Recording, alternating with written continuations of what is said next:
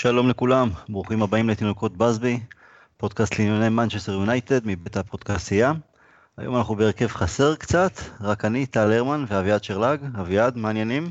בסדר גמור, אמנם הרכב חסר, אבל אנחנו יכולים להתמודד גם עם פציעות. גם עם פציעות, אה, גבי חברנו השפעת הכריע אותו, הוא כנראה גם לא יהיה כשיר לעלות בהרכב ביום שבת. נאחל לו החלמה מהירה. ויום שבת, ליברפול, מה, מה אתה אומר? שאני כבר מחכה למשחק הזה. אין, אין עוד משחק, באמת, כאילו אני מנסה, וזה לא מפתיע אותי כל פעם מחדש, אבל זה, זה אתה יודע מה, דרבי, משחקים בגביע אירופה, הכל טוב ויפה. אין שום משחק אחר בעולם שעושה לי, ואני מניח לכל אוהד יונייטד אחר, את ההרגשה השונה הזאת בלב ובבטן, כמו כמה ימים ובטח אה, ערב משחק וזמן משחק נגד אה, ליברפול. אי אפשר ליהנות בזה, כלומר, אתה סובל, אתה נהנה מהסבל, אבל זה בכל זאת סבל. זה לחץ, זה מתח, זה כל השבוע שלפני זה ה-90 דקות, זה, זה כאילו תחושה של אסור להפסיד, להם במיוחד אסור, כאילו. אתה יודע, ובמיוחד, בדרך כלל זה גם, גם באולטראפורט, אבל עוד יותר זה מתחדד באנפילד. אני ממש תמיד מרגיש שמתחיל המשחק, 0-0 כזה, אני אומר, אתה יודע מה, שיגמר, שיגמר, מספיק, בסדר, הכל בסדר, לא מפסידים, הכל בסדר. אם מובילים אז על אחת כמה וכמה. אבל uh, אנחנו ב... בשבת הקרובה עם כל הרגשות החשש של להיגמר והעיקר לא להפסיד או uh, של לעבור את זה בשלום, הגיע הזמן שננצח אותם, לא? לחלוטין, למרות שזה מרגיש כאילו זה לא קרה מזמן, לדעתי זה... כן היה לאחרונה שניצחנו אותם, כלומר אני חושב ש-2016 זה הניצחון האחרון שלנו עליהם בסופו של דבר. והמשחק ביום שבת הוא משחק קלאסי של התחושה הזאת של שיגמר כבר, כי הוא, הוא משחק נטו ליוקרה. תכלס הוא חסר משמעות מבחינה מקצועית. מקצועית כן, כמובן שיש את ה... כן, יוקרה, קודם כל המיקום בטבלה, יונייטד נגד ליברפול, שזה תמיד אה, מאוד יוקרתי. אה, כן, היה איזה ניצחון ב-2016. ואן חאל היה טוב בדברים האלה. כן, אבל אתה יודע מה, אני זוכר שהייתי בדרבי שניצחנו אותם אה, עם ואן חאל באולט טראפורד 3-0, 3-1, משחק שהם היו צריכים לנצח אותנו איזה 6-3, אתה זוכר, עם החטאות של סטרלינג ו- ובלוטלי, כלומר, למרות שניצחנו שם, הם, היו, היו להם שם החטאות מסמרות שיער, אתה זוכר את המשחק הזה? כן, זה דחיה, אחד ממיני רבים מהמשחקים של דחיה. דחיה ובלוטלי שבאמת החטיא שם החטאות של טירון. אמ, מה שכן יש לי, ב, ב, אני אומר הרבה זמן לא ניצחנו אותם, אז כן היה את הניצחון עם הגול של מרסיאל אה, גם כן באולטראפורד, אבל עונה שעברה. קודם כל העונה הזאת היא התוצאה תיקו המאוד מאכזבת באנפילד, שלא באנו. לא באנו למשחק, כאילו באנו, באמת באנו בהרגשה של, או בגישה של אה, אוקיי, לא להפסיד, לא כלום, בואו נלך הביתה, נסגור על תיקו לפני. אה, וגם בעונה שעברה, שתי תוצאות תיקו די, די מעצבנות, גם התיקו עם השער המצמק של אה, זלאטן לקראת הסיום, וקודם לכן היה תיקו אפס, אבל יש לי טעם חמוץ עוד מהעונה האחרונה של ונחל, המשחק, ב, המפגש בליגה האירופאית נגדם, במיוחד המשחק באנפילד, שהיה הכי מביש שאני זוכר של יונייטד מזה שנים רבות. אה, אני קצת הדחקתי את המשחק הזה. אני אה, ייתכן שזה בגלל שהוא היה מביש, ייתכן שזה בגלל שאני הדחקתי הרבה מאוד מהתקופה של ונחל. אה, בדקתי עכשיו דרך אגב הניצחון האחרון שלנו עליהם היה באמת ב-2016, בקושי ב-2016. באנפילד 1-0 משער של ויין רוני בינואר 2016. כן, כן, כן. וזה היה, וזה היה שער של רוני אחרי תקופה בעצם כמה שנים טובות שהוא לא קבע, לא, שהוא לא כבש גם באנפילד, היה בתחילת הקריירה הוא נתן ב-2005 איזה 1-0 דקה עשירית או משהו כזה, גול uh, מול הקופ, ואחרי זה הוא, היה, הוא כבש נגדם רק באולטראפורט, אבל באנפילד פשוט לא פגע, עד אותו הוולה הזה בתוך רחבת החמש שציינת. אני חושב שהיה לו קושי גדול מאוד עם שערים בעיר ליברפול בכלל מאז שהוא הגיע אלינו. גם מול אברטון היה כאילו לדעתי מעצור במשך די הרבה זמן, לפחות בחוץ. כן, כן, באולטראפורד זה תמיד היה לו הרבה יותר אה, נוח נגדם. אמ, תשמע, אנחנו אומרים יוקרתי, כי רק יוקרתי כביכול, כי אנחנו אליפות לא ניקח, אה, הניצחון שלנו על צ'לסי וגם על קריסטר פלאס, ובעצם השני ההפסדים של צ'לסי במקביל, גם, נגדנו וגם ההפסד שלהם לסיטי, גרם לזה שאנחנו מרוחקים תשע נקודות מהמקום החמישי. אפשר להגיד רגל וחצי כבר בטופ 4, ועכשיו זה באמת אה, מי לפני מי, אנחנו ליברפול וטוטנאם, אבל אנחנו צריכים לקחת בחשבון את המשחק הזה, ועם מבט כמה ימים לאחר מכן לסביליה. כלומר, מעבר ליוקרתיות נגד ליברפול, זה משחק שיכול להביא לנו המון המון המון ביטחון לקראת סביליה. מצד אחד כן אני לא מתייחס כל כך לדברים האלה כרגע כי אין לך מושג איפה זה יכול ללכת מלפני כלומר אתה יודע הפסד מול ליברפול עלול להוביל אותך לעלות מול סביליה מצד אחד או בחוסר ביטחון או כמו חיה פצועה והרבה יותר קשוח ניצחון על ליברפול יכול לתת לך ביטחון ומצד שני יכול לשלוח אותך מול סביליה קצת שאנן. אלה דברים שפשוט צריך לדעת איך להוציא את המיטב מהסיטואציה. מה שהיא לא תהיה ביום שבת אה, אחר הצהריים או בערב. אז אני כרגע לא מתעסק בסביליה. אני מתעסק כרגע אך ורק במשחק שלפנינו. דרך אגב לגבי הטופ 4, רגל וחצי אני ממש לא בטוח במיקומנו בטח אם אה, צ'לסי תודח מול ברצלונה. אני פשוט חושב שאם יקרה הקטסטרופה ולא נהיה בטופ 4, זה הנזק הזה הוא משהו שלא המשחק מול ליברפול יהיה קשור אליו. לא באמת. זה יכול אנחנו... לשלוט מול האדרספילד, ניוקאסל, כל מיני דברים כאלה, זה דברים שאנחנו נכעס עליהם יותר בסופו של דבר. תראה, אם, אם אנחנו לא נהיה ב top 4, אה, אני, אני חושב שאתה תסכים איתי, אני לא חושב שמוריניו ימשיך איתנו עוד עונה למרות uh, החוזה החדש, נכון? אין, שום, אין שום משמעות לחוזה החדש, אם הוא לא מסיים ב top 4 לדעתי הוא יושב בבית. לא אז לדעתי הוא יושב בבית, כן. אלא אם כן הוא ייקח את הצ'מפיונס ליג. כן. לא, לא אמרתי שזה יקרה. לא, לא, אה, הלוואי, תשמע, אתה יודע, אם הוא ייקח את צ'מפיונס ליג, בוודאי, אה, אני לא, לא מכיר אה, מועדון שמפטר מנג'ר אחרי זכייה בגביע אירופה, מיד אחרי זכייה בגביע אירופה. את צ'לסי פיטרו את די מתאו במשך העונה של אחרי, אבל לא, לא מיד. הוא רצה זה... לפטר אותו. סליחה, הוא רצה? אבל כן. איך אפשר לפטר, אתה יודע, בכל זאת. בדיוק, בדיוק בגלל זה. כן. אמ, זה נכון, בוודאי שלא התוצאה הנקודתית מול ליברפול אה, בשבת הקרובה היא זו שתגרום לנו כן או לא להיות בטופ 4, אבל אתה יודע מה, אני אשלב את זה גם כן רגשית וגם מקצועית, אנחנו צריכים משחק טוב נגד ליברפול, עזוב גם עכשיו את סבילי מה יהיה בהקשר של סביליה, אנחנו צריכים משחק טוב מההתחלה ועד הסוף, ועם ניצחון גדול עליהם, גם כי לא, לא טעמנו טעם ניצחון גדול עליהם כבר המון זמן, תשמע, אנחנו, אנחנו צריכים איזה משחק גדול עם, עם מוריניו, וכן, המשחק נגד צ'לסי ניצחנו והכל טוב ויפה, אבל שוב, זה היה משחק של שתי מחציות. אנחנו צריכים איזה משחק מההתחלה ועד הסוף להגיד, וואו, אנחנו פה נתנו הופעה דומיננטית, טובה, יעילה, עם כל, כל הדברים הטובים ביחד. הרבה זמן לא היה לנו את זה, בטח לא במשחק גדול. אני גם מקבל אחד כזה, גם רוצה אחד כזה, אני יותר סקפטי לגבי הופעה כזאת. אני אגיד לך משהו לגבי מוריניו ויונייטד וליברפול. המשחק הכי זכור של מוריניו עם ליברפול עבורנו לפחות זה משחק של מורינו בצ'לסי. זה המשחק ההחלקה של ג'רארד. אני מחייך כל פעם שאני חושב על זה. והמשחק ההוא של מוריניו היה בסיטואציה בין שני משחקי uh, גביע אירופה לאלופות מול אתלטיקו. והוא עלה מול ליברפול בהרכב משני.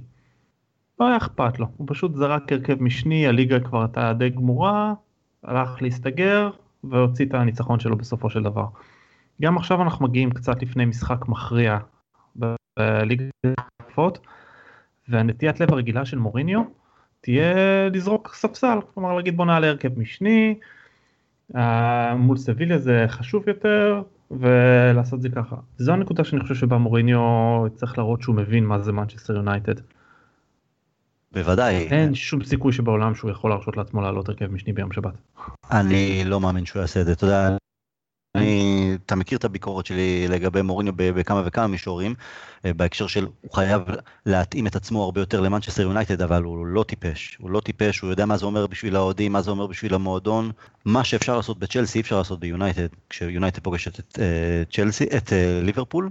אני דווקא, אתה יודע מה, אני חושב שהשמחה הגדולה שלו דאז, יחד עם צ'לסי, באותו משחק ההחלקה של ג'רארד, זה היה גם כתוצאה, תשמע, הוא נושא על גבו את הכישלון האירופאי עם צ'לסי. ואם אתה זוכר כמה שנים קודם לכן, חצי הגמר באנפילד, כן, אז זה לדעתי אחד הדברים שהוא, אם הוא, אם הוא מתעורר מדי פעם בלילה שטוף זהה, זה בגלל המשחק ההוא, בגלל החצי גמר ההוא אה, של צ'לסי נגד ליברפול, בשביל זה הוא כל כך שמח גם לנקום בהם באותה, באותו משחק ליגה. לגמרי. אני דרך אגב מעולם לא הבנתי למה הוא כל כך כעס על השער הרפאים הזה. השער הרפאים הזה בסך הכל הציל אותו. כי... לא, זה פשוט הסיטואציה. כן. אה, אם לא, אם השופט לא מאשר את השער הזה, אז אין לו ברירה אלא לתת לליברפול פנדל ולהרחיק את פיטר צ'ך. אני מעדיף לקבל אה, שער בדקה רביעית מאשר אה, פנדל ואדום.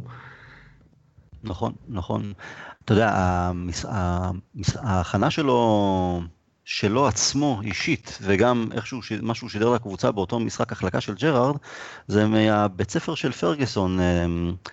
הוא בא לא מגולח לאותו משחק, עלה לספסל עם טרנינג, לא טרנינג אבל כזה, מה זה היה קפוצ'ון, לא קפוצ'ון, אה, בקיצור, לא חליפה או משהו רשמי, אתה יודע, בדרך כלל כשאתה מגיע לאנפילד אז אתה בא קצת יותר מחויט והכל.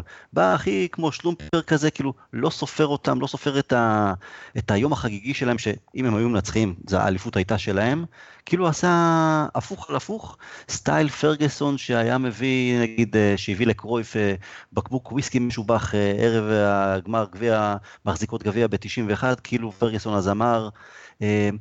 אני קטן ממך, הנה בוא, אני בא ונותן לך מתנה, כי אתה יותר גדול, אתה יותר טוב, ואתה יותר מוצלח, לתת לו את ההרגשה לקרויף של uh, קצת ירגיש בעננים משהו, אולי קצת uh, שאננות בגלל זה, משהו שהוא למד, למד uh, מג'וקסטין, פרגי אמר, וככה זה הרגיש לי שמוריניו עשה מין תרגיל דאז, והוא גם, אני חושב, סיפר על זה. לא ספר אותם, לא בא לאיזה, לחגיגה הגדולה שלהם, בא הכי זרוק שבעולם, ונתן להם בראש. שונא אותם והוא אוהב את הקטעים האלה. דרך אגב הסיפור הזה של פרגוסון עם הוויסקי לא הכרתי אותו ואני חייב לציין שאם המטרה היא לגרום לקרויף להרגיש אה, נעלה מעליך חבל על הבקבוק וויסקי מה שאתה צריך לעשות זה להגיד לו היי. אתה אומר קרויף זה אה, זיכרונו לברכה זה לא משנה מי אתה מה אתה הוא תמיד הרגיש שהוא יותר אה, יותר יותר נחשב. זה האופי זה חלק ממה שעשה אותו אגדה. כן, אבל אה, כן, אבל זה, הוא כתב על זה בספר שלו, באחת, באחד הספרים שלו, ואני חושב שהוא עשה את התרגיל הזה כמה פעמים. התרגיל שלו עמד מג'וק סטין, וכן, כאילו לתת אה, למנג'ר היריב הרגשה של וואלה, אני קטן, אני, אני נותן לך את המתנה, לא אתה לי, וזה עושה את העבודה. אז אנחנו מסכימים בעצם שמוריניו יעלה בהרכב הכי חזק שהוא, שיכול להיות, שוב, אולי כתוכנית עבודה מסוימת אה, נראה איזו הפתעה, או שאנחנו נראה את אותו הרכב פחות או יותר שראינו בשבועות האחרונים? אני לא יודע מה היכולת שלנו להפתעה מבחינת כוח אדם.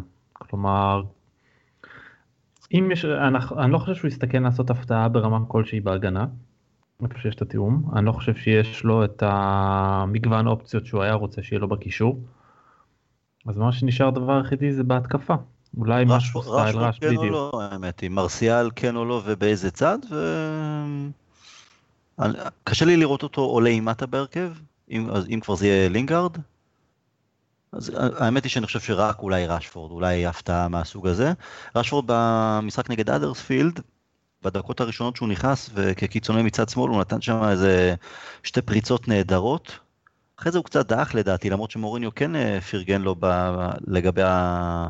עשה מה שהוא התבקש, הוא פשח אותם לקו ופתח אותם נכון. במשחק. אבל כן כי רציתי, כן אכזב אותי שהוא לא, לא היה מעורב יותר מדי עם הכדור לאחר מכן, לאחר המספר דקות הראשונות שלו, אז אולי זה קצת ייתן לו איזה מחשבה למוריניו, אתה יודע מה? אני מתחיל עם, אה, עם רשפורד בזכות התנופה, להמשיך את התנופה מהמשחק אה, נגד אה, קריסטל פלאס. אה, אם זה יהיה מרסיאל, אז שוב אנחנו, אנחנו אומרים היכן עם לעומת אלקסיס, כי שוב אין מצב גם שסנצ'ז לא, לא יעלה בהרכב. אין לזה יותר מדי משמעות בגלל שיהיו הרבה חילופי מקומות. כללי, אישית למרות שאני מאוד אוהב את מרסיאל אני חושב שלמשחק הספציפי הזה לא הייתי רוצה לראות אותו בהרכב בעמדה הזאת. כלומר, לא בהנחה של...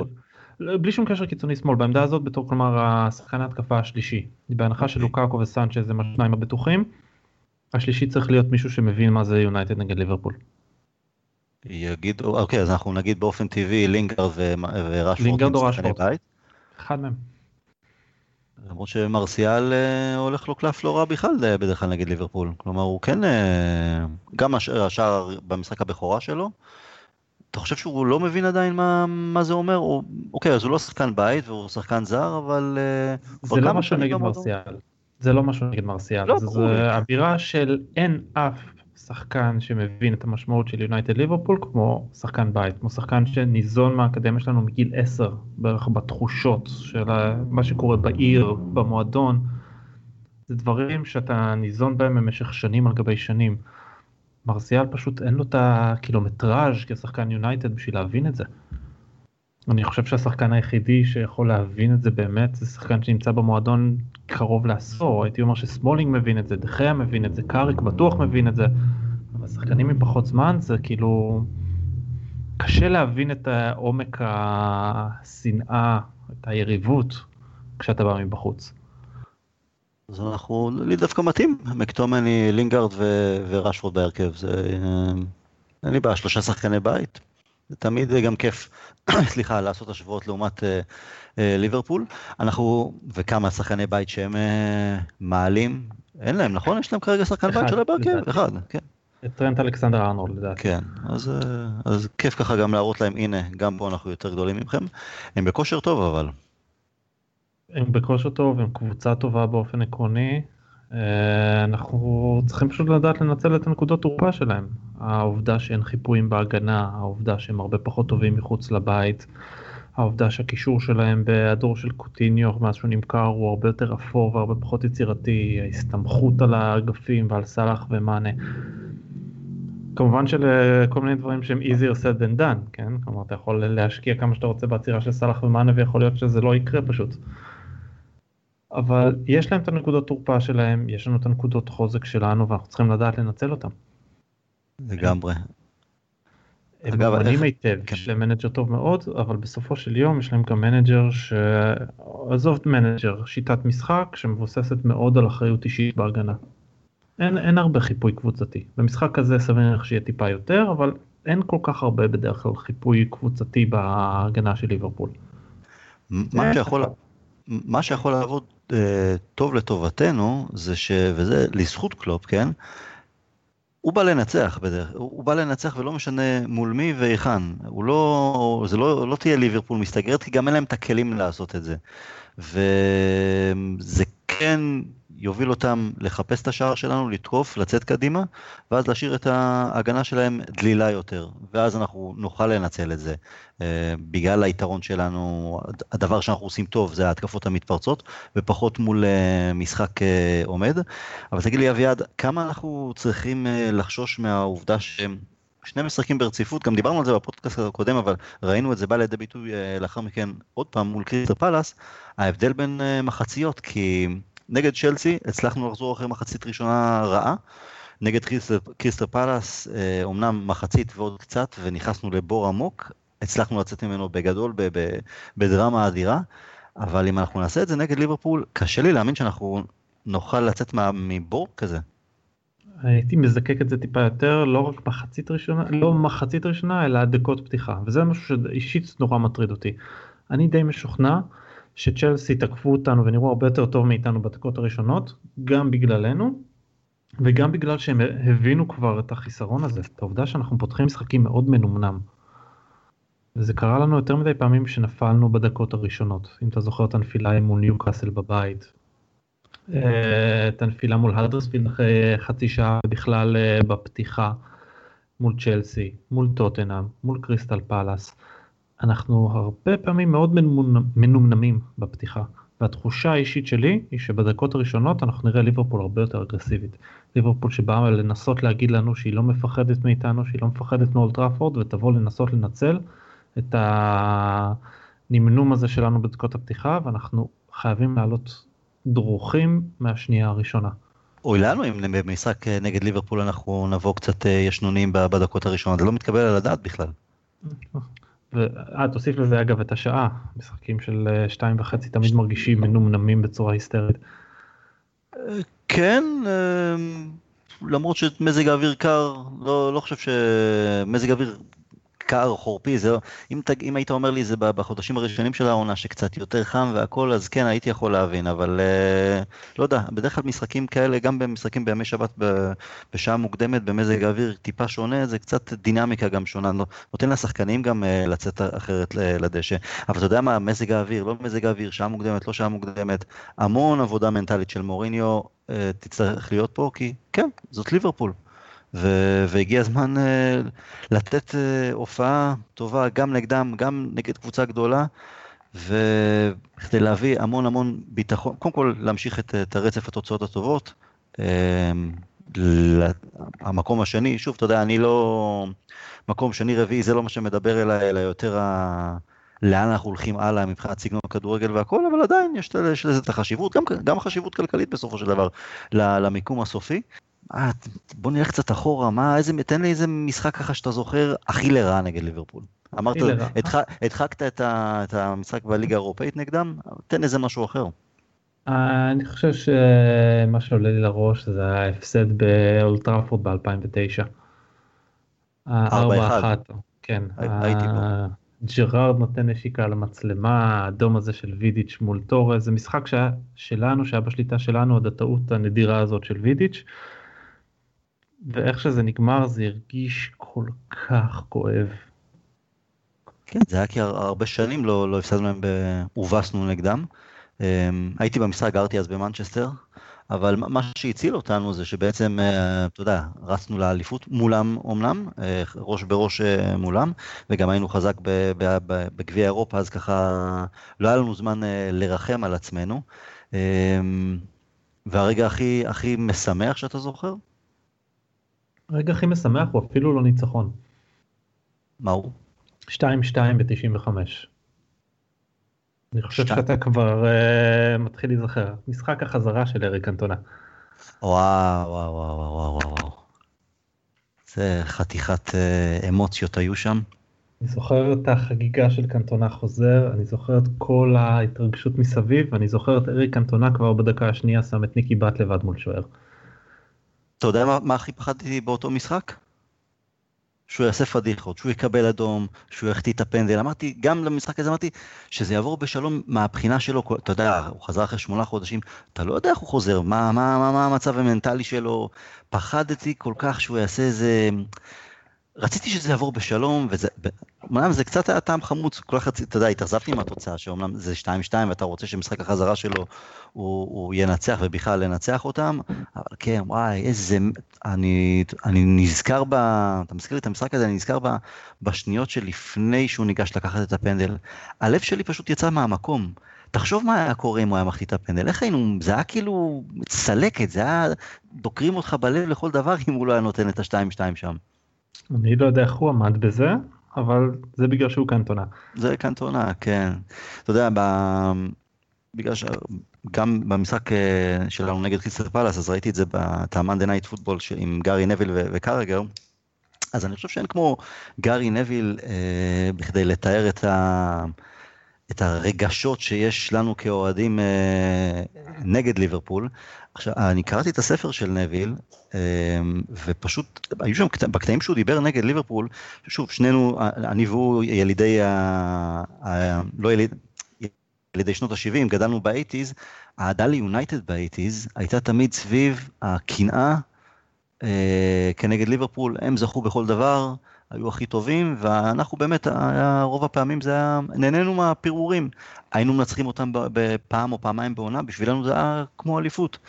ואני זוכר שהוא כתב בספר שלו על הוויכוחים שהיו לו אז בבית ספר. עם אוהדי ליברפול, כן, היו אוהדי ליברפול בברי, בסדר, מה לעשות? והם היו אומרים לו, הוא היה אומר, האיצטדיון שלנו הכי גדול, ואז הם היו אומרים לו, אבל הקבוצה שלנו הכי טובה, ואז הוא היה אומר להם, אבל יש לנו את בריין רובסון, את מרק יוז, והם אומרים, אנחנו זוכים באליפויות. ואני זוכר שהייתי, שקראתי את זה הפעם הראשונה, אמרתי, בואנה, זה כאילו כותב את המחשבות שלי, כי זה היה בדיוק אחד לאחד, אותם ויכוחים של איזה טל הרמן אחד, גדלתי בראשון, אז שאלה היו ויכוחים שלנו בשנות ה-80. זה היה מטורף שאותו אחד, אחד מרגיש את זה בראשון לציון, השני מרגיש את זה בברי. אה, וגארי נביל, אם אתה זוכר את ה... כשניצחנו 1-0, גם כן משחק שהייתי בו, איזה כיף שיצא לי להיות בכמה משחקים נגדם כאלה. ה-1-0 של ריו פרדיננד בדקה ה-90 בנגיחה, אתה זוכר? לרשת של ה-Stretford End. הריצה של גרי ליציאה של ליברפול לנשק את הסמל ולהראות להם מה זה. אז אני הסתכלתי על, על, על, הסתכלתי עליו בדיוק, ראיתי את הריצה הזאת ב-live, ותקשיב, זו הייתה עונה לא טובה שלנו, היינו אז קבוצה לא מספיק טובה, חילוף חומרים שם, והניצחון, והניצחון הזה היה כאילו עוד פעם סוג של סנונית ככה, של איזה משהו קטן בעונה ששווה לך כמו אליפות, כביכול כמו קבוצה קטנה. אבל זה היה פשוט, אבל לנצח אותם בדקה ה-90, לא, אין דבר, כסף לא יכול לקנות את הדברים הללו. כן, זה מקפיץ לי ישר לזיכרון השני, ה smash and grab של אושי. פי, יאללה. אתה יודע מה, אני אומר לך, אני לא יודע, לא יודע, הייתי, הייתי מוכן לוותר על איזה גמר גביע אירופה בשביל להיות שם באנפילד באותו רגע? לא פוסל את זה, לא פוסל את זה. וזה משחק גרוע שלנו, כלומר, היינו על הפנים, כמו, כמו לא פעם באנפילד, גם, גם תחת פרגי, כאילו, משחק שלא לא עשינו בו שום דבר, ופתאום out of the blue, ועוד אושי, ועוד לרשת הקופ. מטורף. זה, זה היה פשוט המהות של אה, לדקור את אה, ליברפול. זה דרך אגב מה אם אני חוזר לארבע אחת ההוא, זה גם אה, בדיעבד, זה גם המהות של ליברפול בשלושים השנים האחרונות האלה. המשחק ההוא עבורם היה ה highlight של העונה. ה highlight שלנו היה אליפות וגמר גביע אירופה לאלופות. נכון. המשחק הזה הותיר אותם עם תחושת ה... זה שלנו בעונה הבאה, בטח כשרונלדו עזב בעונה אחר כך. וטוב, העונה הבאה הם סיימו עם התפרקות טוטאלית, הדחה מוקדמת מאירופה, מקום שביעי, ואנחנו כמעט אליפות. נכון. וההדרה המוגזמת של שחקנים שלהם באה טיפה אחר כך, כשהחיזוק שלהם ב-2010 היה ג'ו קול. פשוט נזכרתי בזה היום בהקשר של התבטאות של ג'רארד על מוחמד סאלח. הוא טען שסאלח הוא השחקן האפריקאי הטוב ביותר בתולדות הפרמייר ליג. נזכרתי בסטיבן ג'רארד מדבר, Joe Cole is amazing. anything Leo Messi can do, Joe Cole can do and even better. אתה יודע מה, אני זוכר אפילו את אייל ברקוביץ' אומר שג'ו קול אה, אולי השחקן הכי טוב בעולם או משהו כזה באיזה תקופה, אבל כשהוא היה בצ'לסי עדיין. ג'ו קול היה נהדר בצ'לסי, גם בווסטהאם, גם בצ'לסי, בליברפול זה כבר היה מעבר לשיא שלו. אה, אבל אם אתה מדבר על הדרת שחקנים שלהם שלא היו שווים את זה, אז אפשר לחזור גם כמה שנים אחורה, לאמצע שנות ה-90, בעצם לגמר ב-96, גמר הגביע האנגלי, קנטונה, גם כן אומנם לא דקה 90, 4 דקות לסיום, אבל גם מה אז, גם אז התקשורת ובכלל, מה עשו מהשחקנים שלהם,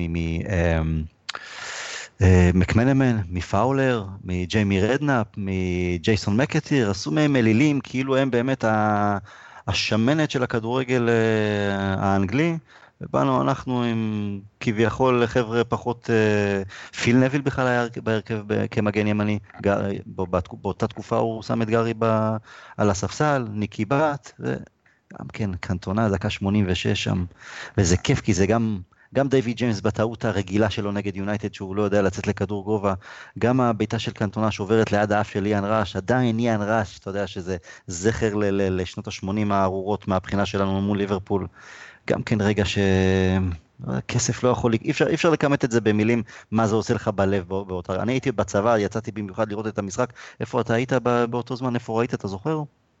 אה, לא במיוחד, אני זוכר את המקום, כלומר בבית של אה, דודה שלי, איפה שראיתי את כל המשחקי כדורגל כמעט אה, באותם שנים, הייתי אז בן 15, אז איפשהו בימי התיכון, אני זוכר את הקפיצה על ספות, ואני מסתכל לראות את ה, גם את ההרכבים שלנו באותה תקופה, אכן עם פיל נבל כמגן שמאלי, ארווין מגן ימני. שמאלי, נכון, נכון, כן. דיוויד, אבל זה כן, זה כן על חשבון גרי, כיוון שארווין כן. הלך ימינה, כן. דיוויד מיי כבלם, ומהצד השני ה Spice Boys שלהם. איזה... תאמין אתה יודע מה, יצא לך להיות במשחק נגדם באנפילד? לא. עדיין לא, זה משהו שחייבים לעשות. אמ, אני זוכר שאני הייתי באנפילד כמה פעמים וגם נגדם.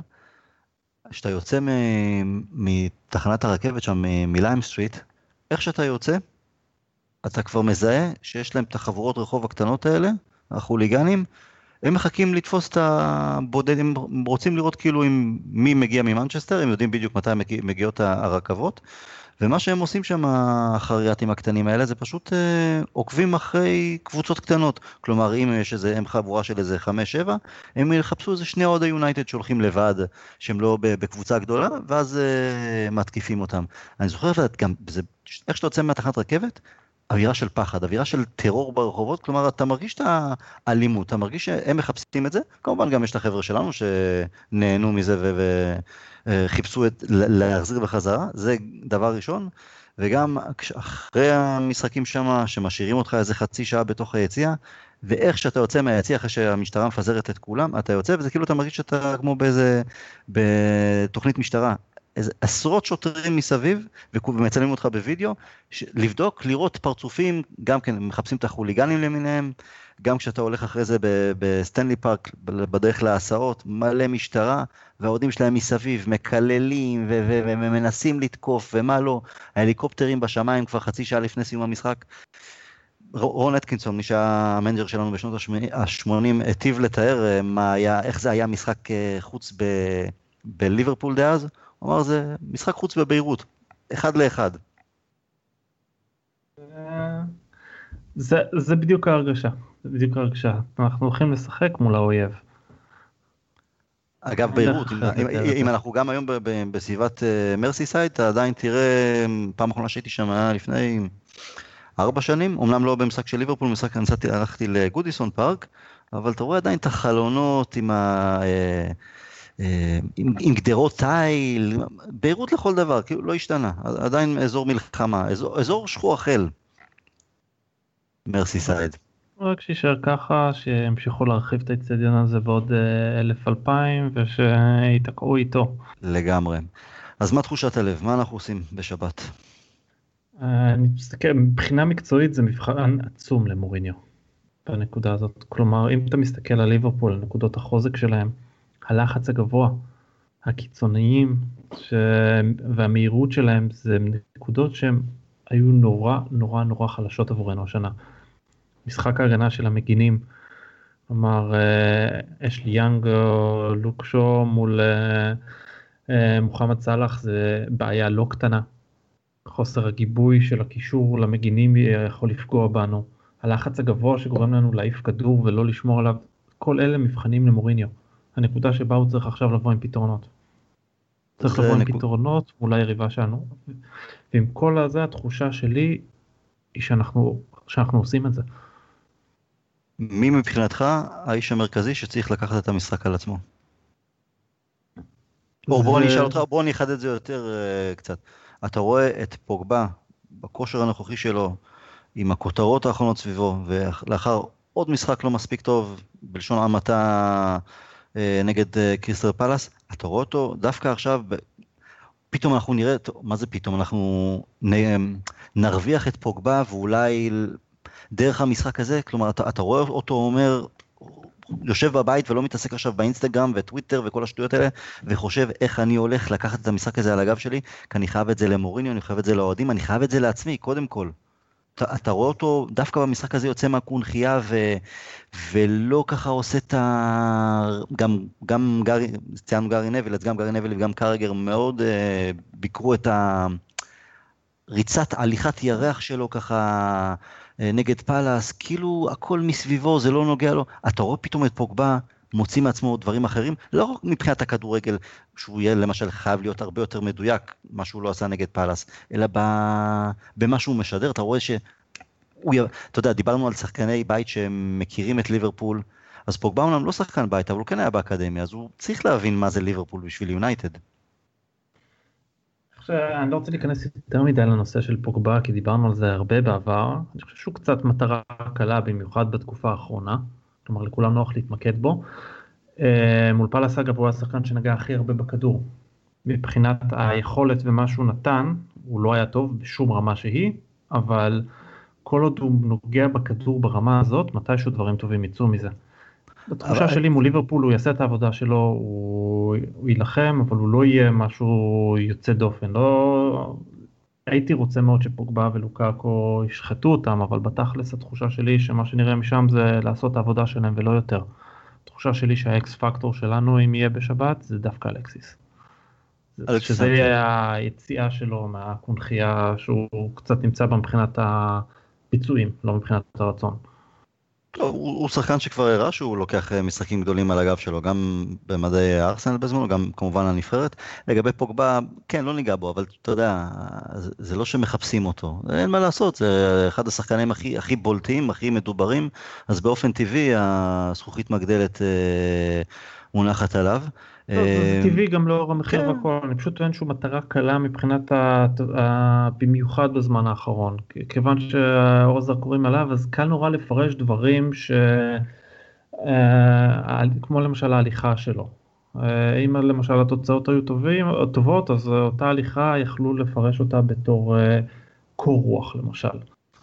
נכון, אבל אתה יודע, כשזה דבר על דבר על דבר, אז אנשים מחפשים באופן טבעי, טוב, בוא, בוא, בוא, בוא נראה שינוי, בוא... צא מזה, כלומר, אתה רואה שאתה אתה, אתה שומע ביקורת, אתה קורא ביקורת, וגם, אז בוא תראה קצת משהו אחר.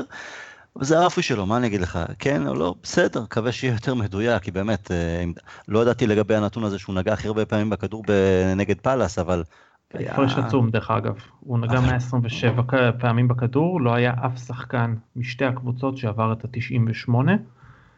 אה, סמולינג 98, אלקסיס 96. טוב, סמולינג כי זה מאחור, זה פחות... נכון, אה, אף אחד מלבד שניהם לא עבר את ה-90, כלומר, קצת קשה לגעת בכדור כל כך הרבה פעמים, בלי לעשות המון תנועה, לא, לא מצאתי את נתוני הריצות ונתוני הקילומטראז', אבל קצת קשה לגעת בכדור כל כך הרבה פעמים בלי לעשות את התנועה הזאת. הייתה, ו... הייתה תנועה, אבל אל תשכח שפאלאס ברוב שלבי המשחק בסופו של דבר כן נתנו לנו להשתלט שם על, על מרכז השדה, זה בדקות הראשונות או בחצי שעה הראשונה, כן, הם לחצו גבוה ומשם גם בא, גם בא היתרון הראשון שלהם, אבל בסדר, אין לי בעיה, תנועה והכל, אבל גם הוא, גם אלקסיס, לגעת כל כך הרבה פעמים בכדור ולהיות כל כך לא מדויקים, לא, הם היו מזעזעים. לגמרי. לגמרי. אבל כן, אבל אני מסכים איתך. יש לי, האמת היא שזה כיוון לא רע בכלל אה, מבחינת ה... זה שאלקסיס, הנה, יגיד, הגעתי, אני פה. עד עכשיו זה היה ככה בסדר, שני משחקים ראשונים נחמד, גם משחקים נוחים יותר. אה, כמה משחקים לאחר מכן. סליחה? גם פוגבה ואלקסיס, כשהם נוגעים בכדור כל כך הרבה פעמים, משחק אחד, שניים, שלושה, באיזשהו שלב זה יבוא. שחקנים ברמה הזאת לא יכולים לגעת בכדור כל כך הרבה בלי שיצא מזה משהו חיובי בסוף. אמ, זה כן, אני חושב שדיברנו על זה בהקשר של אלקסיס, שגם בארסנל הוא איבד הוא לא היה מדויק במיוחד, כי הוא מנסה את המסירות המיוחדות, וזה בסדר, ואז אני חושב שהסכמנו של, אוקיי, אתה מנסה את הכדור, הכדור העומק הטוב פעם, פעמיים, שלוש, לא הצליח, ברביעי זה שווה גול, אין בעיה. הבעיה, הבעיה היא כשהם מאבדים אה, כדורים במסירות פשוטות, בפעולות פשוטות, וזה מה שיותר בלט אה, אה, נגד פאלאס. אם, אם שם יהיה שיפור במסירות הפשוטות, בפעולות הפשוטות, אז יהיה הרבה יותר קל לבלוע, וכן, ומשם בפעולות, ה... שוב, כדורי העומק, הכדורים המיוחדים יותר, הבישול, הניסיונות לבשל, אז אה, שם יהיה פחות אה, נורא אם פעם זה לא יצליח, פעמיים, שלוש, ארבע, כן, בסוף זה יבוא. אמ, לוקאקו, גם כבש את השער, אה, גם שער וגם בישול, סוף כל סוף נגד צ'לסי במשחק גדול, שער קריטי גם נגד קריסטל פלאס. אה, יאללה, שערי המשכיות, עוד משחק גדול, לקחת על הכתפיים, ואתה יודע מה, בוא, בוא קצת ניקח קצת קדימה, בכלל אה, שבוע מאוד אה, גורלי, ליברפול, סביליה וגם ברייטון בגביע. יכול להיות שבוע ש... שהעונה תלך ל... לכיוון חיובי ביותר, או פתאום חתיכת פאנצ'ר.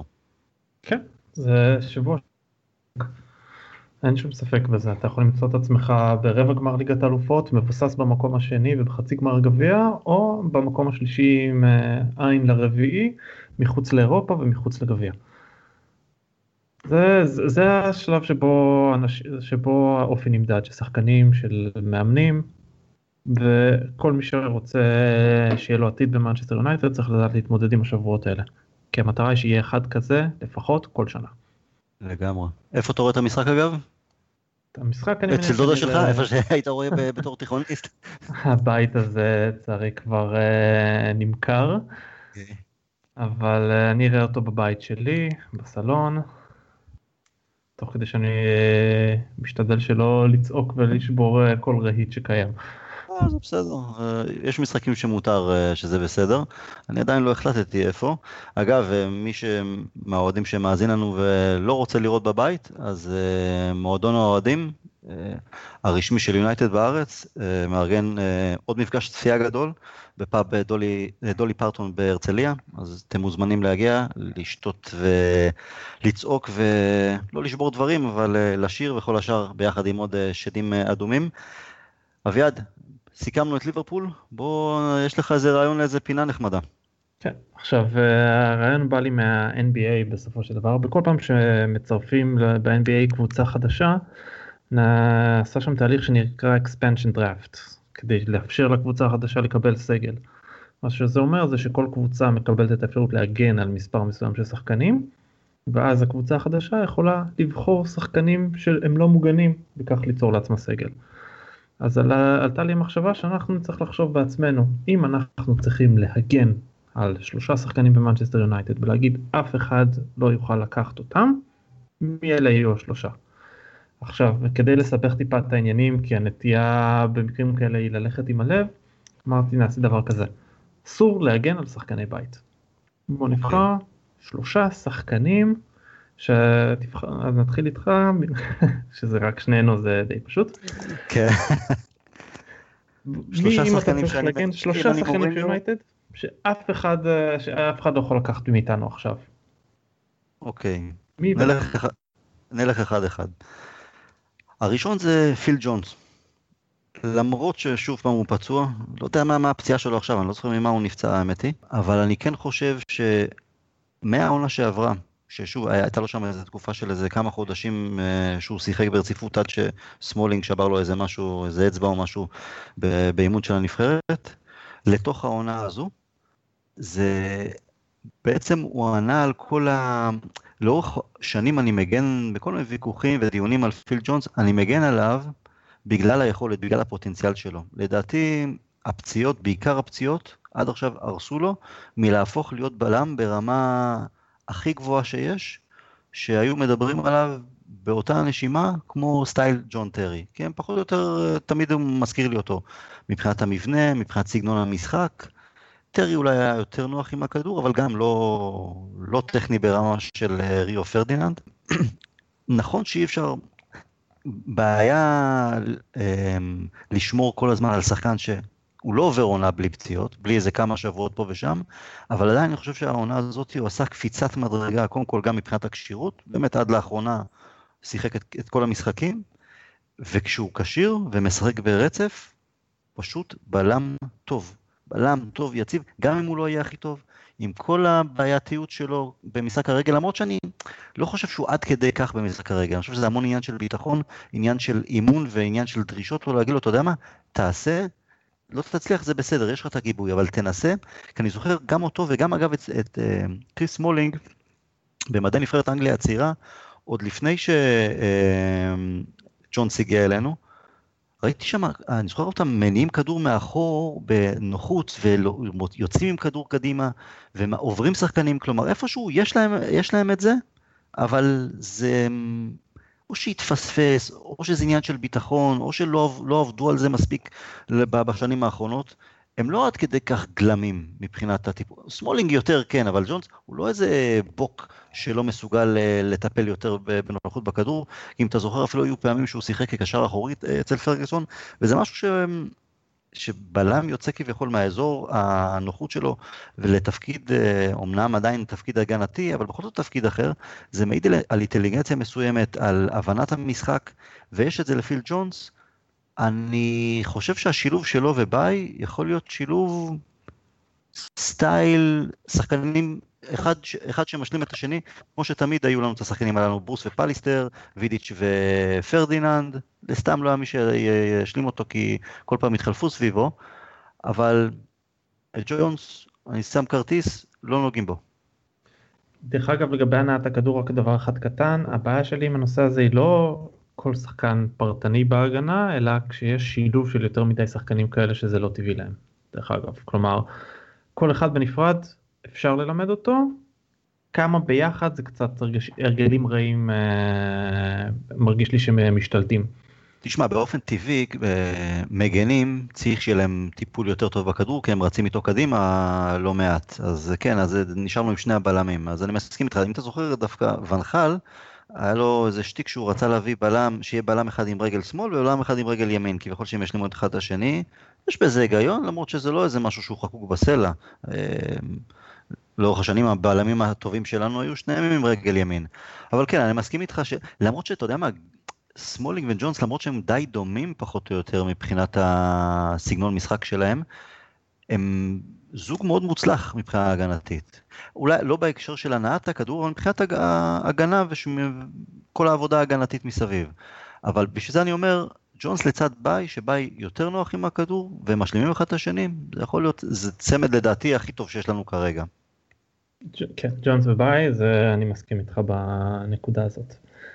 ועכשיו מי השני שהיית מגן עליו? לא, לא, עכשיו אתה אחד. אוקיי, אז הראשון שלי הוא דה חאה.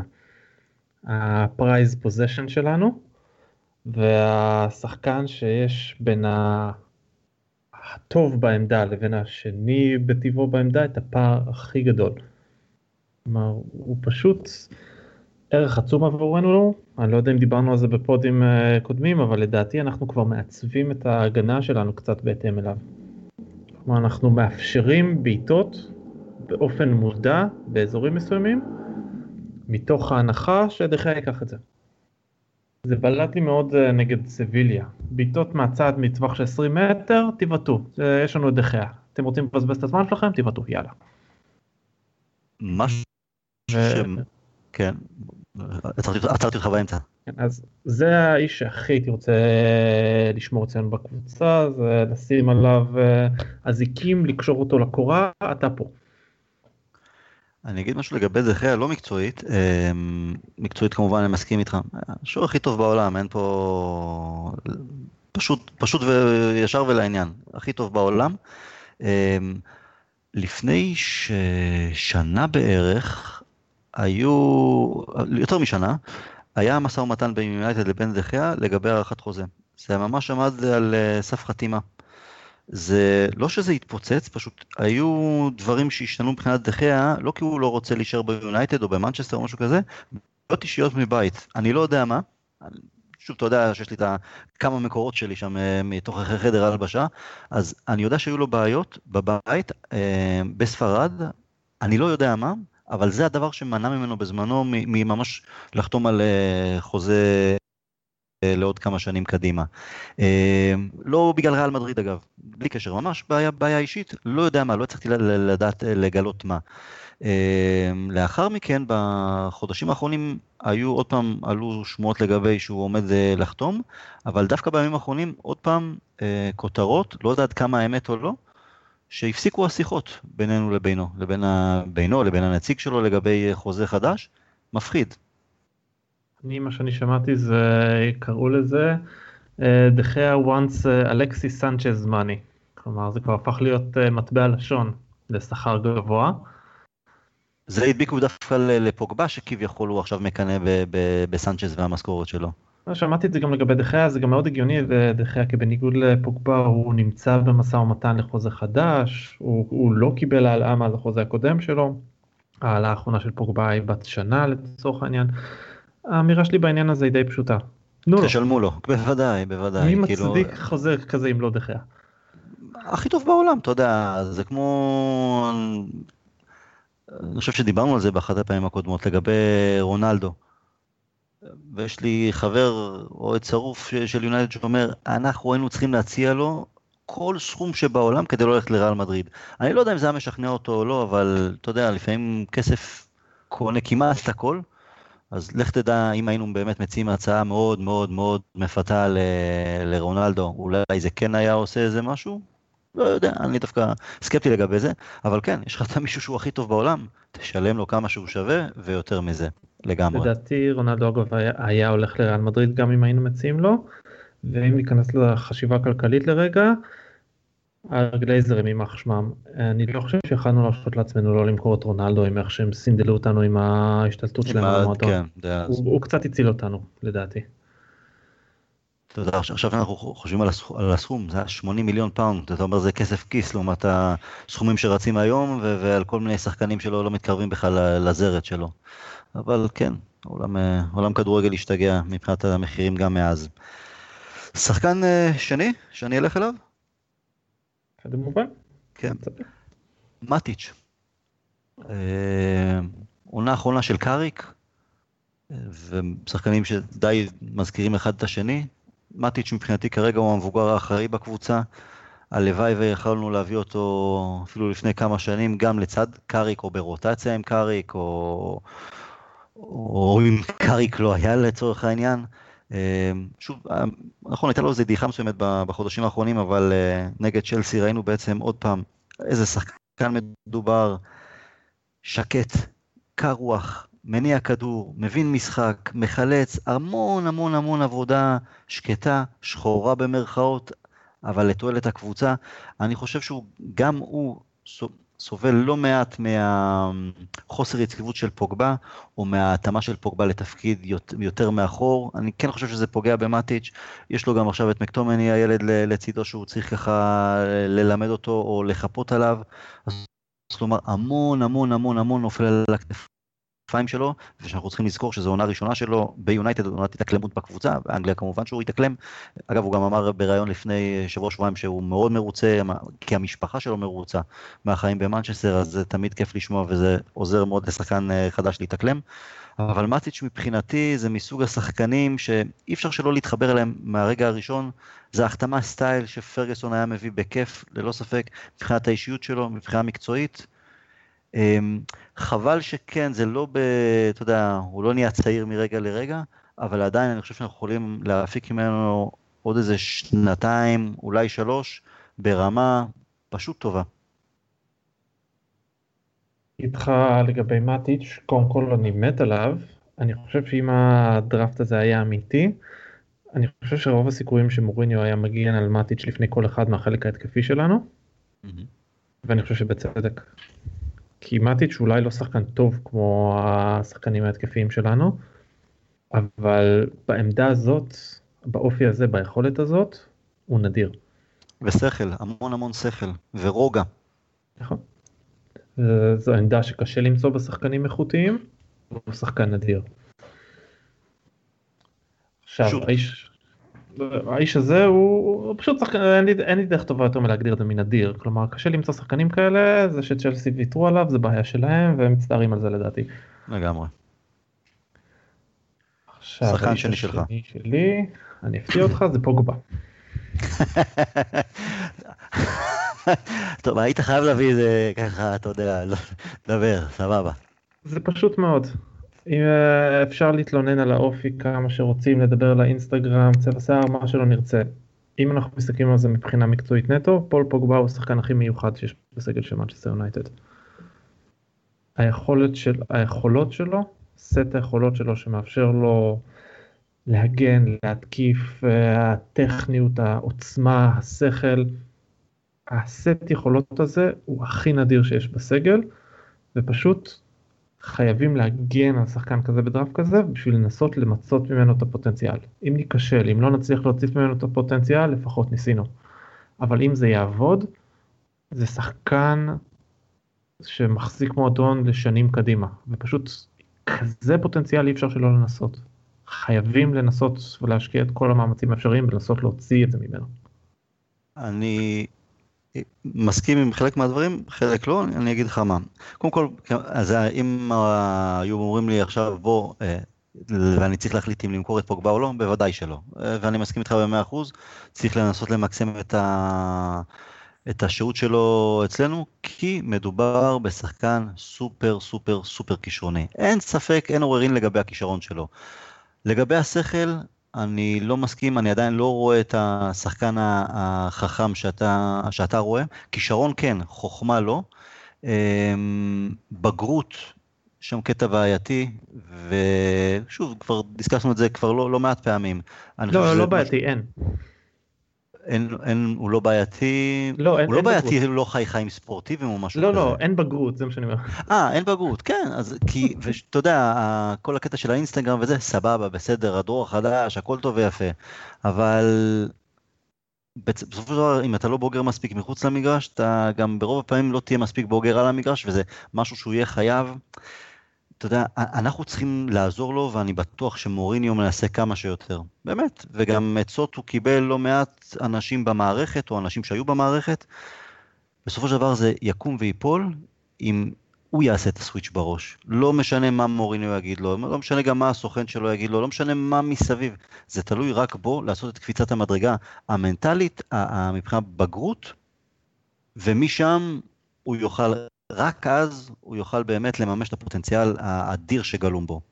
וגם להפוך להיות שחקן הרבה יותר חכם.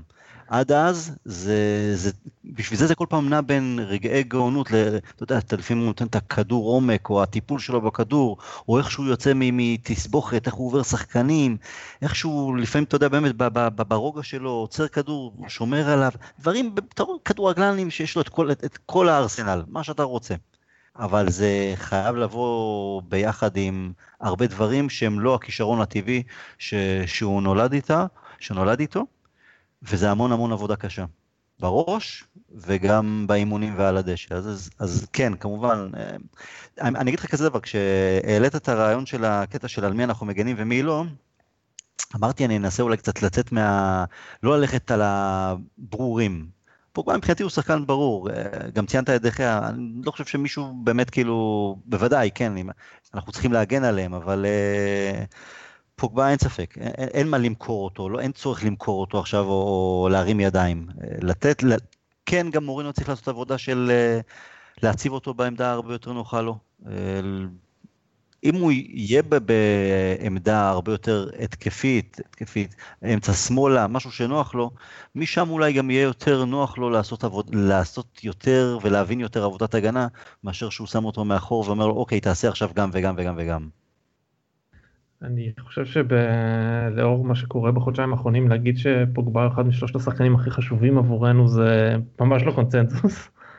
לא, מבחינת הפוטנציאל, מבחינת הפוטנציאל, תשמע, אתה יודע, לא יעזור, אתה, מסתכל על הסגל של יונייטד, אתה אומר בואנה, פוגבה צריך להיות שם. אתה יודע, הוא כבר אוטוטו בן 25, זה גיל שאתה כבר סוחב קבוצה או אחד מהכלים הכי חשובים בקבוצה, בטח בשחקן מבחינת הקליבר, הקליבר של הכישרון שיש לו, זה חייב להיות. אם זה לא יהיה, לא יקרה אצלנו ויעזוב אותנו בעוד שנה, שנתיים, שלוש, זה כבר יהיה גם בשלב מאוחר, כבר תחילת המאוחר בקריירה, זה יהיה פספוס, פשוט פספוס גדול. אני חושב שהוא לא רק הכי מיוחד אצלנו, יכול להיות שהוא הכי מיוחד בליגה, וזה בדיוק המחשבה שלי שחייבים לעשות כל מה שאפשר בשביל להוציא את זה ממנו. אה, הסייג היחידי שיש לי לכל מה שאפשר בשביל להוציא אותו ממנו זה הנקודה שבה זה בא על חשבון הקבוצה. אם להוציא את הכישרון של פוגבה צריך לבוא על חשבון הקבוצה אז לא תודה. לא ברור, אה, מועדון גדול יותר מכל שחקן. אני אחזור לפול סקולס ולמה שהוא אמר לפני איזה חודשיים. פול פוגבה לא צריך לספור אף אחד בליגה. פשוט ולעניין. הוא יכול להיות גדול יותר מכל אחד, כולל דה, דה ברוינה. או אתה יודע מה? ביחד, כי באמת דה ברוינה, מה שהוא עושה העונה, קפיצת המדרגה עוד יותר שלו היא באמת מבחינת אה, הטופ 3 כיום בעולם. אבל פוגבה יכול להיות שם, אם הוא ירצה, אם הוא יעבוד הרבה יותר קשה, אם הוא יהיה הרבה יותר בוגר. אם לא, אז זה פשוט בזבוז של, אה, של כישרון. נכון, אני מסכים, תלוי בו, זה תלוי בו first and foremost. זה יבוא רק ממנו, כן או לא, זה רק ממנו.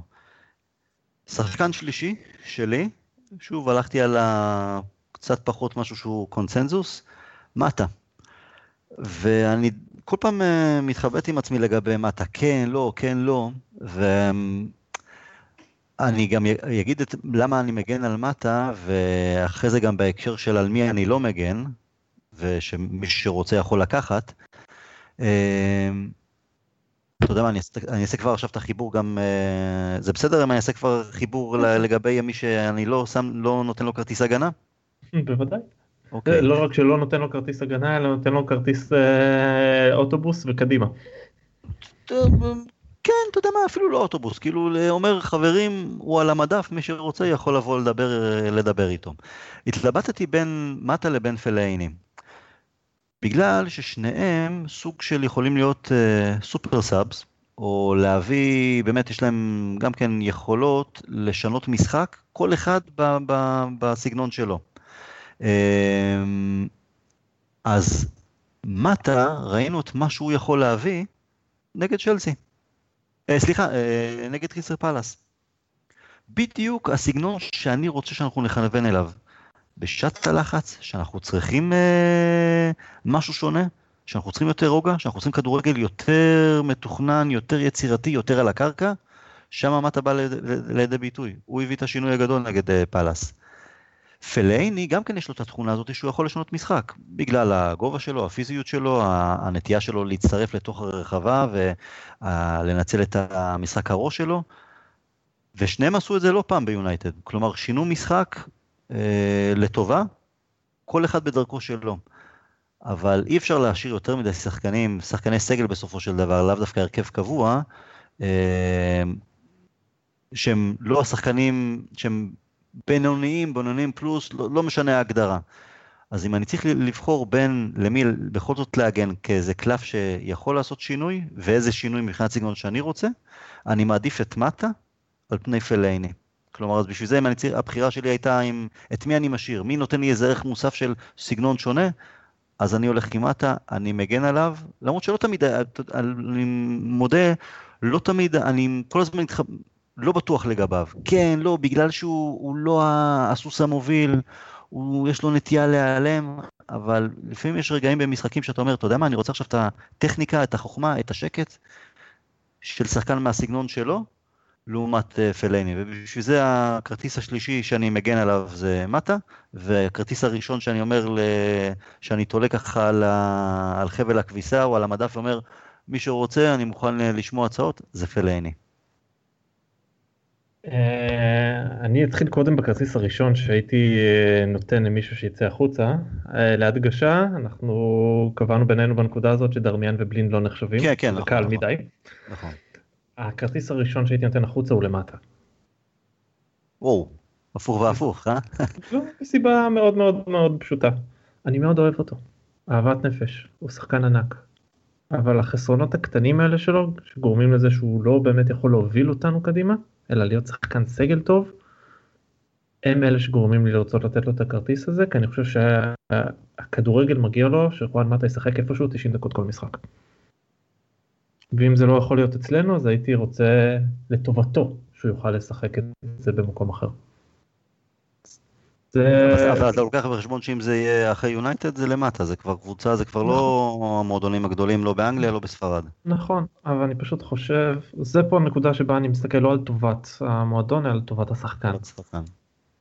וחואן מטה הוא שחקן שהייתי רוצה לראות איפשהו, משחק 90 דקות כל משחק ומראה כמה שאפשר את מה שיש לו, פשוט אצלנו זה לא יקרה. וחבל לי בגלל שאני אוהב אותו. אוקיי, קרב מחשבה יפה, בהחלט.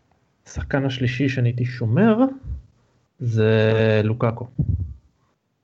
והייתי עושה את זה אה, לא מהסיבה של אה, הוא חלוץ טוב, לא מהיכולות הפיזיות שלו, הייתי עושה את זה בגלל האופי שלו.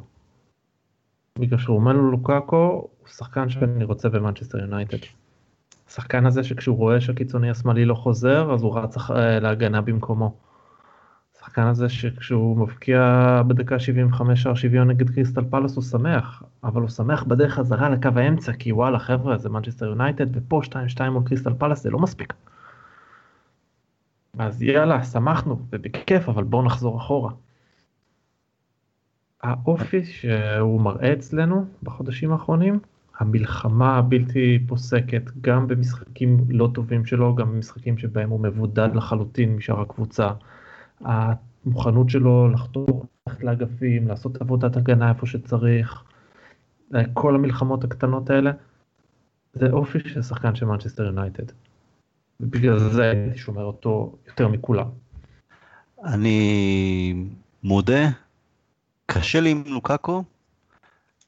א', מבחינה רגשית, אני צריך להתאהב בשחקנים, או לאהוב אותם, כן, ברור שהוא חלק מהמשפחה והכל, אבל אתה יודע, לפעמים יש כאלה שיש לך יותר רגש, יש כאלה שפחות. אני לא רציתי שלוקקו יבוא מבחינת, בגלל סגנון המשחק שלו, בגלל סגנון המשחק שאנחנו נשחק אה, יחד עם איתו, וזה כרגע בא לידי ביטוי, כדורגל יותר ישיר, יותר מדי ישיר. אה, יש לי בעיה עם היכולת הטכנית שלו, בסופו של דבר, שוב, איך שזה בא לידי ביטוי יחד עם הקבוצה וגם מהבחינה האישית שלו. אני לא יכול שלא להסכים עם הקטע של האופי שלו, וגם כשאני שומע אותו מדבר, מתראיין, זה כאילו מין דובי חמוד כזה, אתה לא יכול שלא לאהוב אותו, אז ככה אני בניגודים עם עצמי, אני במלחמות עם עצמי בין הראש לבין הלב כל הזמן לגבי לוקאקו, שמח מאוד שכובש, וציינת נכון, אחרי שער השוויון נגד פאלאס, הבחור רץ לרשת, לקח את הכדור, קדימה לחצי, זה מנצ'סטר יונייטד, אנחנו לא אה, חוגגים תיקו 2 מול אה, פאלאס.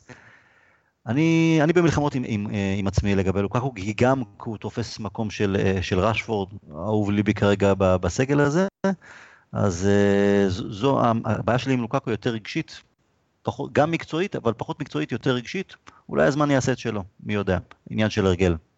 לוקקו תופס פה את המקום של רשפורד, דרך אגב ברשימה הזאת, או הסיבה שבגלל הצבתי את כלל הבלי שחקני בית? לא, לא, ברור, ברור. ברור כי רשפורד היה גם אצלי בשלישייה. אה, לוקקו פשוט עניין של אופי איך שאני מסתכל עליו דרך אגב קראתי היום ראיין איתו שהוא אמר I'm Mourinho's sergeant אני אעשה כל מה שהוא אומר לי לעשות ואמרתי לו את זה כבר בינינו הקבוצה מעל הכל מה שצריך לעשות כדי שהקבוצה תצליח אני אעשה. אם היינו מנסים לכוון למשחק שונה גם עם לוקקו ואז לראות אוקיי אם הוא יכול לעשות קפיצת מדרגה מעבר לדברים הברורים הטובים אצלו הייתי שמח. כרגע מוריניו לצערי הולך על קו של לוקקו היכולות שלו, מה שהוא גם הראה באברטון ושכאלה. בוא ננסה לשחק גם איתו טיפה שונה, אם, אם, אם שם הוא ייקח את, ה, אתה יודע, ייקח את ההזדמנות ו, ויתפתח כחלוץ עוד יותר, וואלה, הרווחנו פה ביג טיים.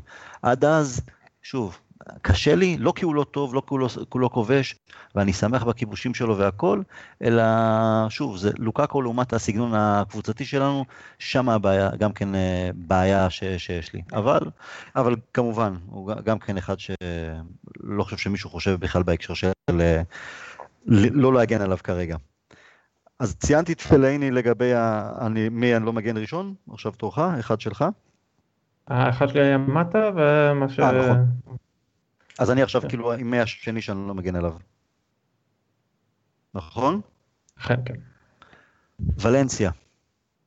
ואולי חלק ש, שמקשיבים אומרים, מה, מה הוא מדבר, הוא נפל, נפל על, ה, על הראש. אין לי מילה רעה להגיד על ולנסיה מהבחינה של, אתה יודע, כבר חלק מאיתנו כבר שנים במועדון, מי שהגיע כביכול אה, על חשבון, אה, במקום רונלדו, והמציא את עצמו מחדש כ, כמגן ימני. אי אפשר לבוא בטענות לא למסוער העבודה, לא ל... ל, ל הכל מהכל. אבל איפשהו אני מרגיש איתו שאנחנו מתרגלים לבינוניות, וזה לא מספיק טוב. אתה רואה מגנים בקבוצות אחרות, גם מבחינה הגנתית, אבל לא פחות התרומה ההתקפית שלהם, אנחנו לא מקבלים את זה מוולנסיה. גם כאן אנחנו, היה לנו בעיה של משחק אגפים בשנים האחרונות, עם ונחל אף אחד לא עלה למעלה, גם עם מוריניו, המשחק של הקיצונים שלנו, צד ימין בכלל אין לנו קיצוני, אתה יודע, זה, זה ולנסיה לבדו, אבל עדיין אני מרגיש שהוא מקבל המון המון כדורים בהתקפה, המון, ובדרך כלל לא יוצא מזה שום דבר. אה, לא מספיק טוב. זה לא, התקפית, זה כבר לא זה, ואם אנחנו נמשיך איתו כמגן הימני הבכיר שלנו, זה איפשהו להישאר בינוניות בעמדה הזו. ואני חושב שעמדה של מגן, לפעמים אולי יכולים להגיד, אה, זה לא כזה העמדה הכי קריטית, אבל זו יכולה להיות עמדה סופר קריטית שמשדרגת קבוצה לגמרי. אם ניזכר במה עברה עשה לקבוצה, ועברה הגיע כשהיה את איינצה, על פניו אתה אומר, לא משהו, לא העמדה שחייבים להביא עוד איזה מישהו להילחם על מקום בהרכב או כדי לשדרג. עברה שינה את הקבוצה, גם בגלל הבחינה האישיות שלו והכל, וגם מבחינה מקצועית. בשנים הראשונות שלו היה המגן הכי טוב באירופה, בטח באנגליה. ועם ולנסיה אנחנו כבר כמה שנים בגלל שהקבוצה בתקופה בעייתית, אז אנחנו אומרים, אוקיי, הוא עדיין מביא, הוא עדיין ציון חיובי, אבל זה לא ציון טוב מאוד, ואנחנו חייבים לקבל כבר את הטוב מאוד, ואנחנו לא נקבל את זה יותר ממנו. אז זה באמת להגיד תודה על הכל, פרחים, משחק הוקרה, מה לא, אבל להיפרד. אני קצת מסכים איתך בהקשר הזה. לא הייתי בוחר בוולנסיה, אבל אני מבין את ה... מאיפה זה מגיע, כי הגיע הזמן לשדרוג בעמדה, אני פשוט הייתי רוצה לראות אותו הדרגתי. אותו את החניכה לפוסו מנסה בשנה הבאה, ואז אה, שנה אחר כך מפנה את דרכו. עם זה אין לי בעיה. השני שלי יהיה לוקשו. ולו מהעובדה שאני מרגיש שאנחנו, כשאנחנו מסתכלים על לוקשו, אנחנו לא רואים את לוקשו כפי שהוא. אנחנו רואים את לוק שואו כפי שהיינו רוצים שהוא יהיה. אנחנו כל הזמן חושבים על המגן שקנינו, המגן שקיווינו שהוא יתפתח אליו וזה לא קורה כרגע ואני מרגיש כאילו אנחנו בדרך אולי לתת לו עוד שנה, שזה עוד שנה שבה אנחנו לא קונים מגן שמאלי אלא נשארים עם לוק שואו ויש לי יאנג, מתוך תקווה ששואו יהפוך להיות מה שקיווינו שהוא יהיה. הגיע הזמן אני חושב לחתוך את התהליך הזה, הגיע הזמן לעשות אחד משני דברים, או לשחרר את הבחור ולהגיד זה לא מספיק טוב, או להשאיר אותו כמחליף ולהגיד אם אתה רוצה לקחת את העמדה אתה צריך עכשיו להיות הכי טוב שבעולם כי אנחנו מביאים מישהו תותח. אתה רוצה אה, להיות שחקן מנצ'סטר יונייטד תנצח אותו די סיימנו. יש לפעמים במשחקים דברים קטנים שמספרים תמונה את כל הסיפור. אתה יודע, מאוד רצינו שאני מסכים איתך לגמרי, אנחנו כל פעם מסתכלים על לוק שואו ועל מי הוא יכול להיות, או אנחנו זוכרים את השחקן אה, שהיה בסאופטמפטון והבריק, והיה באמת, אה, אמרנו, זה המגן השמאלי הבא של, של אה, נבחרת אנגליה. הוא עלה נגד כיסף פאלאס, קודם כל, עוד פעם זה היה נראה שהוא העלה במשקל, שזה מרגיז, בסדר? דבר שני, היה איזה קטע שהיה חוץ לטובת כיסף פאלאס בחצי, של, של, בחצי שלהם, ושואו נשאר תקוע. ואז מורינו דפק לו צעקה, כלומר, תחזור לעמדת המוצא שלך, תחזור אחורה. כלומר, זה כאילו, הוא, הוא... הדברים הקטנים הללו, שהוא עדיין לא ממושמע מספיק, לא, לא מעמיד את עצמו כמו שצריך, לא קורא מהלכים, כלומר, יש חוץ לקבוצ, לקבוצה השנייה, תחזור אחורה, מה אתה נשאר 20 אה, מטר מהשאר? רץ קיצוני צד ימין, תמשיך איתו. אז הדברים הללו, אז אתה יודע, כבר כמה שנים שהוא לא משחק, אז הוא גם לא לומד כדורגל כמו שצריך. יש גבול כמה שאתה יכול ללמוד מבחוץ. יש ערך ללראות כדורגל מבחוץ לכדורגלן ולראות את התמונה קצת מזווית אחרת. בסופו של דבר אתה לומד כדורגל הכי טוב ממשחק. ואנחנו מדברים כבר על איזה שלוש שונות שהוא כמעט ולא משחק, זה המון המון זמן, מסכים איתך. מאוד הייתי רוצה שזה יהיה אחרת, אבל לא, לא הייתי נלחם על אה, להשאיר אותו בכל מחיר. לגמרי. השחקן השלישי שלי, שאני מעמיד לאפשרות למכירה זה אררה. גם כן אופי נהדר, אה, מוסר עבודה מצוין, אבל בסופו של דבר זה לא השחקן שהתפתח שחשבנו שהוא יהיה, לא מבחינה התקפית וגם לא מבחינה הגנתית. בסדר, המנג'רים לא נקיים, לא ונחל, גם לא, גם לא מוריניו לדעתי בהקשר שלו, והייתה לו עונה טובה מאוד בעונה שעברה, אבל זה כמו ולנסיה. זה יהיה טוב, אבל זה לא, זה לא יהיה טוב מאוד. אבל אני אגיד כזה דבר,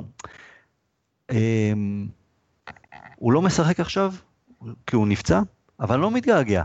כלומר, אני לא מרגיש בחיסרון שלו. בדרך כלל יש נטייה, שחקנים כשהם לא משחקים, לפעמים הם הופכים להיות שחקנים עוד יותר טובים, כי אנחנו אומרים, אה, אם הוא היה כשיר והיה משחק, היינו הרבה יותר טובים, היינו מנצחים, היינו ככה וככה. אני לא מרגיש עם אררה של, אוקיי, הוא לא משחק, שאם הוא היה משחק, אז היינו נראים אחרת בצורה הרבה יותר אה, מורגשת וקיצונית אפילו. אין לי טענות אליו. אה, אתה יודע, שוב, באמת, מוסר עבודה, אופי, נלחם, גם שחקן טוב בסופו של דבר, שחקן כדורגל טוב, אבל זה לא מספיק טוב. והייתי מעדיף, אתה יודע, לתת יותר דקות גם מעכשיו והלאה למקטומני בעמדה הזו, על פניו, גם אם אררה היה כשיר. אמ, ואתה יודע מה, כמו שאמרת על מטה, אתה יודע מה, מגיע לאררה לשחק 90 דקות בכל, בכל שבת, אבל לא אצלנו. במקום אחר, כי הוא אחלה בן אדם, אחלה אישיות, גם נקשרנו אליו, אבל מגיע לו טוב יותר, אבל לא אצלנו. אני מאוד אוהב את אנדר אררה, והאכזבה שלי מהעונה שלו מתבטאת בזה שהוא לא היה הראשון ברשימה של המוגנים שלי. אני לא מסוגל להגיע עד כדי כך רחוק כמו לשים אותו על המדף. זה שחקן שאני עדיין רוצה שיהיה אצלנו בסגל. אה, צריך לראות מה יהיה גם עם הפרשה הזאת של מה שהיה בסרגוסה, נראה לי כן. שזה יהיה בעל משמעות אולי לעונה הבאה, לגבי היכולת ולגבי המעמד שלו. האיש השלישי שלי הוא, טוב, הכי מהברורים אליהם זה פלאיני. גם קצת מרמת המטה, כלומר הגיע הזמן אה, החוזה האחרון של פלאיני והייתי רוצה שהוא יעשה אותו במקום שבו יסדרו אותו עד סוף ימי חייו וחיי ילדיו. וגם בגלל שהוא פשוט, הוא שחקן טוב, הוא נותן את הנשמה, הוא נלחם, הוא פשוט כופה אחריו אה, סגנון ש... הוא לא, לא סגנון של מנצ'סטר יונייטד בדיוק. נכון. עכשיו, זו אופציה נחמדה שהייתי שמח שתהיה לנו באופן עקרוני, בתור השחקן השביעי בספסל. אתה יודע, אחרי שנפצעו לך ארבעה שחקנים לפני המשחק וניסית שתי שיטות כבר מול היריב ולא הצלחת, אז להעלות את השחקן הגבוה הזה, להעיף למעלה ולשבור את היריבה. אבל הפיתוי גדול מדי כשהוא נמצא בתור האופציה השנייה, כשהוא עולה הראשון מהספסל. זה לא שזה, אין לי בעיה עם לשחק עם סגנון של להעיף את הכדור למעלה לפלאיני, זה לא, אני לא לוקח את זה לכיוון שזה לא הכדורגל שהייתי רוצה לראות את מנצ'סטר יונייטד משחקת. כי בסופו של דבר אני רוצה לנצח, ויש לסגנון הזה גם את היופי שלו. זה פשוט שאני חושב שזה לא יעיל. אני, אתה יודע, אני כן רוצה שאנחנו ננצח בסגנון מסוים, גם על חשבון יעילות. אני מאמין בסופו של דבר שכדורגל טוב הוא, הוא, הוא זה שיחזיק מעמד בסופו של דבר ויהיה גם יותר יעיל וגם יותר מהנה. אני מהמגנים הגדולים של פלייני בכל הדיונים וויכוחים בפייסבוק ושכאלה ושיחות אוהדים, כי עשו לו את ה... הוא היה סוג של ש"ג, היה נוח להיכנס בו כי שחקן של מויס, כי זה לא כל התקופה של הקבוצה, כל התקופה הלא טובה מאז שפרגי פרש, אז תמיד קל היה להיטפל אליו, אה, אבל די. אתה, אתה יודע מה, אני אגיד כזה דבר. מעצבן אותי שהוא עושה שרירים עכשיו לגבי, אני יכול להבין אותו מבחינה אישית שהוא רוצה למקסם את המחוזה האחרון הגדול בקריירה שלו, אבל אתה, אני אומר, בואנה פלאיני, דחילק, אתה כולה פלאיני, אנחנו מנצ'סטר יונייטד, אל תבוא עם דרישות יותר מדי מוגזמות, ת, ת, תסכים על החוזה שאתה, על סכום כסף נחמד, תגיד תודה שאתה עדיין ביונייטד, פשוט ולעניין, עם כל האהבה שלי והערכה שלי והכל, אל תתפוס עלינו תחת, אני אגיד כזה דבר. אה, אתה רוצה חוזה יותר מדי גדול? בסדר, בטורקיה ישמחו לשלם, אבל הייתי... אבל לא אצלנו. הוא לא שחקן יונייטד סטנדרטי דרך אגב בהקשר לא. הזה, חשוב לזכור את הנקודה הזאת. הוא לא שחקן יונייטד סטנדרטי מהבחינה של, אה, אתה רואה את אנדר אררה למשל, שחקן שנהנה מהתהילה שבלהיות שחקן של מנצ'סטר יונייטד. בדיוק, לגמרי. פלאיני הוא יותר שעיר לעזאזל, תרתי משמע. כלומר, אז... זה קשה להיות השחקן הזה שחלק די גדול מהאוהדים הוא זה שיבוא אליו בטענות אה, הראשון אחרי הפסד. זה פחות, זה, זה להיות שחקן מנצ'סטר יונייטד אבל זה גם יש בזה את הקושי. הם לא אטומים והם רואים את הדברים האלה. נכון, נכון. אז כן, אז וואלה, הסכמנו גם אה, על עוד משהו. יאללה, ויעד, היה כיף. ועכשיו uh, הולכים, לא יודע, צריך לשקול מה, מה לאכול עד uh, יום שבת כדי, כי גם ככה הולכים לשירותים הרבה מהמתח, אז על אחת כמה וכמה, אולי לגרום לאכול איזה משהו יותר יציב ככה וכאלה. הלוואי, הלוואי, הלוואי שנוכל לדבר שבוע הבא אחרי ניצחון מול השנואים, מול המגעילים הללו, אני, פשוט לנצח ולתת הופעה טובה. ושנתפוצץ, ואתה יודע מה? לא, לא לוקחים אליפות העונה, סביר להניח שלא ניקח גביע אירופה, נחזור לשנות ה-80 של פעם, של כן, נהנינו מה, מהפירורים, תן לי איזה פירור על, על ליברפול, כי זה חתיכת פירור, לגמרי. שננצח, שיהיה לנו בהצלחה. תודה רבה, אה, ויאללה, we'll never die.